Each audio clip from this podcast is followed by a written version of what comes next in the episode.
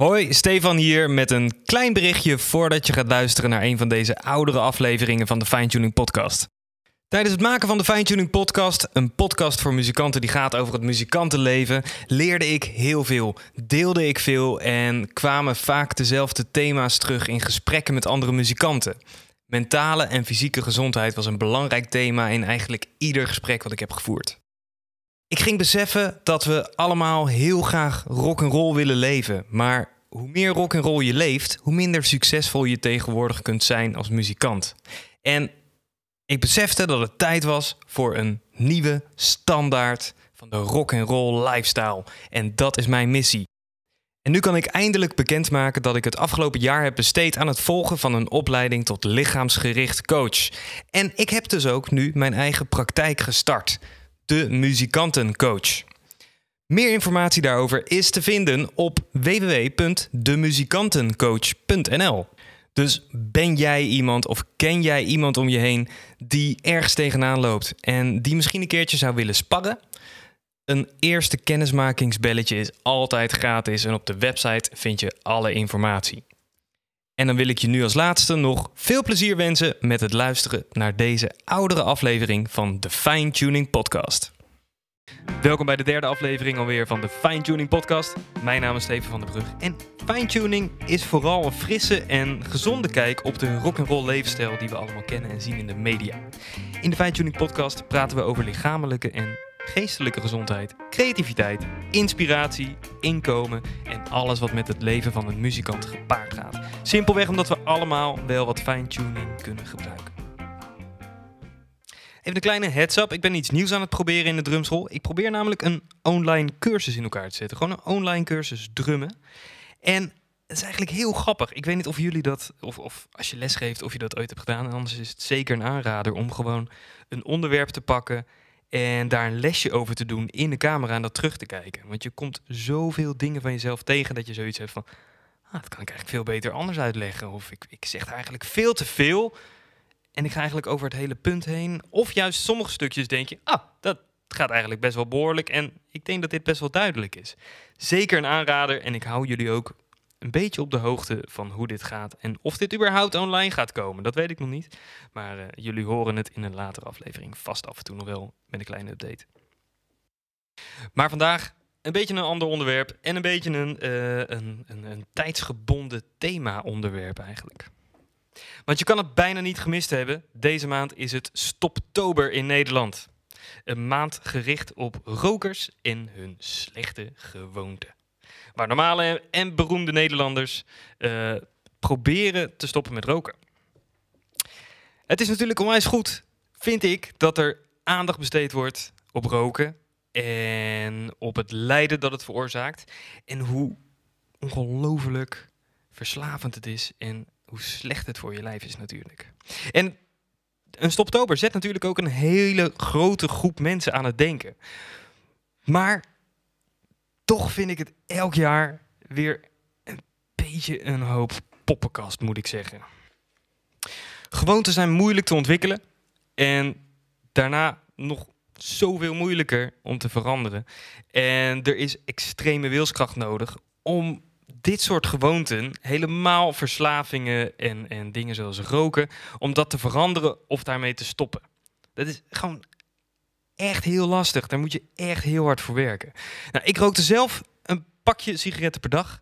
En ik heb een paar keer geprobeerd te stoppen. De eerste poging was omdat ik het zat was. Uh, ik had een optreden gedaan en ik had een groot pakje bij me. Dat was, uh, het was eigenlijk toen met Parkpop, hoofdpony Parkpop speelde met Friends of the Family. En er zijn toen bijna twee pakjes sigaretten doorheen gegaan op één dag. Dat is echt te bizar voor woorden. En de volgende dag werd ik wakker en mijn keel en mijn strot en mijn hele lijf voelde echt als een asbak en alles rookvies. Nou, je kan het je voorstellen. Het was verschrikkelijk. Ik probeerde toen te stoppen.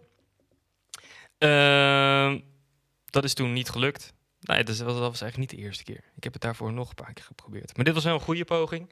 En ik heb het ook nog een keertje geprobeerd in stoptober. Dat lukte toen tot mijn verjaardag ongeveer. Want ik ben in oktober jarig. Nou, en dan heb je altijd weer excuses om weer uh, zoiets op te pakken als je niet gemotiveerd genoeg bent om te stoppen. Ik heb ook dat boek gelezen. Er is een heel bekend eh, Engels boek wat ik ook heb gelezen.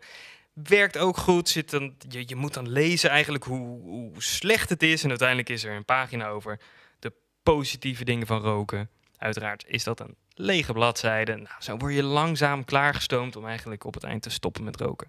En op zich werkte die nog eigenlijk tot de laatste poging die je deed, werkte dat eigenlijk nog het beste. Dus dat is op zich wel een aanrader. Als je al heel gemotiveerd bent, dan kan dit net even dat kleine pushje in de goede richting geven, zeg maar. Ik heb het dus, ik heb het in totaal volgens mij vijf of zes keer geprobeerd. En het leek dus allemaal niet te werken. En ik had altijd het gevoel dat de noodzaak om te stoppen er niet echt heel erg was. Het was eigenlijk pas tot ik voor mezelf een persoonlijke sprong in de diepte maakte. En uh, besloot om naar Ierland te gaan om daar een week drumles te krijgen van uh, mijn grote helden. Uh, onder andere Mike Johnston. Mike Johnston is echt een van de, de allerbeste drumdocenten van de wereld. Hele grote inspiratie voor mij. Mark Juliana, uh, bekend van de laatste plaat van David Bowie. En een fantastische jazzdrummer en Ash Shown. En hij is onder andere drummer van Robbie Williams geweest, Adele en doet Kevin de Graal. En een van de grootste sessiedrummers van dit moment eigenlijk. Dus dat was een week wat sowieso al heel bijzonder was om daar naartoe te mogen. En daar gewoon acht uur per dag te studeren met, met dit soort drummers. En dan s'avonds ook nog daarmee hangen de hele avond. En uh, volgens bij het ontbijt al met ze zitten. Het was echt een week lang één groot feest. Uh, maar het was niet alleen dat voor mij. Ik begon natuurlijk mijn drumschool toen ik 20 was, begon ik officieel met mijn school. Maar ik begon toen ik 15 was eigenlijk al met lesgeven. En ik heb ook na mijn middelbare school heb ik geen uh, officiële opleiding gedaan. Dus ik begon eigenlijk gelijk, toen ik 18 was, begon ik gelijk volop te werken en voor mezelf te werken vooral. Dus nou, dat is gewoon weinig verdienen en heel veel tijd investeren en heel hard daarmee bezig zijn. Dus ik heb eigenlijk bijna nooit vakantie genomen en ik ben eigenlijk ook amper op vakantie geweest. Ik had, uh, daarvoor had ik twee keer in mijn leven een klein stukje gevlogen. Naar één keer naar Spanje en één keer naar Parijs toen ik jong was. En verder nooit iets eigenlijk alleen gedaan. Nooit ergens alleen naartoe geweest. Vliegen vond ik dus echt ook doodeng. Dus dit was voor mij een enorme sprong in het diepe om in mijn eentje mijn koffer te pakken en een week daar naartoe te gaan. Ik wou eigenlijk gewoon in die week vooral echt aanwezig kunnen zijn de hele week. Dus ik besloot twee weken voordat ik naar Ierland ging al te stoppen met roken. Gelukkig deden een paar vrienden van mij mee. Dus dat maakte het natuurlijk wel net even wat makkelijker. Want dan zit je er niet de hele tijd mee meer uh, in je omgeving. En ook een paar bandleden stopten ermee. Een paar vrienden uit het pand waar ik werk stopten ook met roken. Dus je kon elkaar ook een beetje steunen en zo. Maar ik besloot dus twee weken te stoppen. Met het idee dat ik twee weken de tijd had om van de onrust en de, de, de, de, de stress eigenlijk die, die het veroorzaakt, een beetje af te komen, zodat ik in die week helemaal klaar was om gewoon helemaal rustig te genieten van die week en alles helemaal 100% op te kunnen nemen. Het punt wat ik eigenlijk met dit verhaaltje wil maken is niet per se, uh, heeft eigenlijk niet per se met Stoptober te maken en ook niet per se met roken, maar het gaat eigenlijk meer om alle grote veranderingen die op je pad komen. De belangrijkste boodschap die ik, uh, ja, die ik eigenlijk nu voor je uh, wil achterlaten, is dat elk groot ding of elke grote verandering in je leven, goed of slecht, uh, het kan ook um, een overlijden zijn in je, uh, in je familie of in je directe kring, maar ook inderdaad een reis zoals ik heb gedaan. Het kan een, een, een, een elke grote wending die, ehm, die je in je leven meemaakt, kan meer brengen uh, dan alleen de voor de hand liggende veranderingen in je leven. Zolang je maar 100% toegeeft aan wat er op dat moment gebeurt. Probeer altijd op dat soort momenten. Dat is heel moeilijk en ik heb zelf uh, genoeg mensen om me heen uh, dichtbij verloren. En dat zijn hele moeilijke dingen. En ik, ik, ik heb me ook altijd op dat moment heel erg afgesloten. Dat was voor mij het makkelijkst en dat werkte goed. En ik probeer nu de afgelopen jaren, probeer ik dus dit soort momenten, als die grote dingen gebeuren, goed of slecht, om open te zijn. Aanwezig in het moment. En uit te blijven kijken naar mogelijkheden in het leven. En gewoon de, de uitdagingen en openingen die daaruit voortkomen te omarmen. En daar volop ook weer gewoon in mee te gaan. Het heeft geen zin om er tegenin te gaan. En als je jezelf open genoeg stelt en er genoeg voor gaat, komt er altijd meer uit dan je in het eerste ogenblik ziet. Dit zijn de momenten waarop een besluit als ik stop nu met roken ineens heel makkelijk kunnen zijn, zolang je maar open staat voor het moment en de gebeurtenis. Ik hoop dat je hier iets aan hebt. Ehm, het is een heel groot concept, wat ik nu eigenlijk in een paar minuten uh, prop. Het is voor mij een, een les waar ik ehm, nou, uh, volgens mij uh, zeker 15 jaar over heb gedaan. Om dat te leren vanaf, ja, vanaf jongs deken tegenovergestelde. En probeer de afgelopen vijf jaar ongeveer ben ik een beetje bewust. En van dit soort dingen probeer ik er echt iets mee te doen. En nog steeds is dat heel moeilijk. Maar we komen steeds een klein stapje verder. Mocht je dit interessant vinden en hier iets meer over willen hebben, ik ga hier ook nog een kleine fine-tuning inspiration uh, over doen later, op een later moment. Maar ik ben momenteel een boek aan het lezen, uh, te gek boek. Het heet The Obstacle is the Way van Ryan Holiday, volgens mij. Moet ik even checken.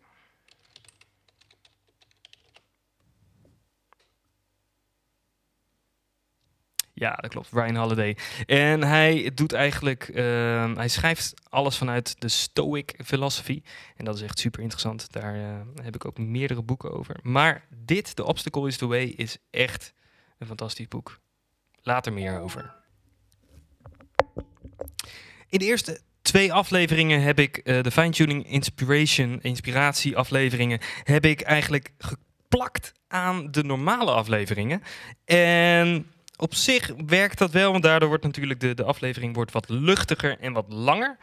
Um, omdat een, een, onderwerp zoals vandaag eigenlijk net even iets zwaarder is dan, um, dan dat het bijvoorbeeld vorige week was. En dat het af en toe wat vaker zal zijn. De onderwerpen zijn natuurlijk heel wisselend. Hè? Dat, het is natuurlijk een groot, groot onderwerp waar wij over praten. En veel onderwerpen ook. Dus um, ik denk eigenlijk dat ik vanaf deze aflevering de inspiration los ga koppelen. Aangezien wij om de week een normale aflevering uh, over een onderwerp uitbrengen, lijkt het mij dan makkelijker om in de andere week een kleine fine-tuning inspiration uh, uh, te releasen. Dus voor nu gaan we dat gewoon even uittesten. En dan doe ik een paar afleveringen. Misschien dat ik uiteindelijk merk van het werkt niet en ik plak het wel weer aan elkaar. Voor mij is dit ook gewoon allemaal nog steeds uh, iets heel nieuws. En uh, we blijven gewoon dingen uittesten. Uh, deze aflevering is opgenomen de week voordat ik naar een concert van John Mayer ga. En daar heb ik onwijs veel zin in.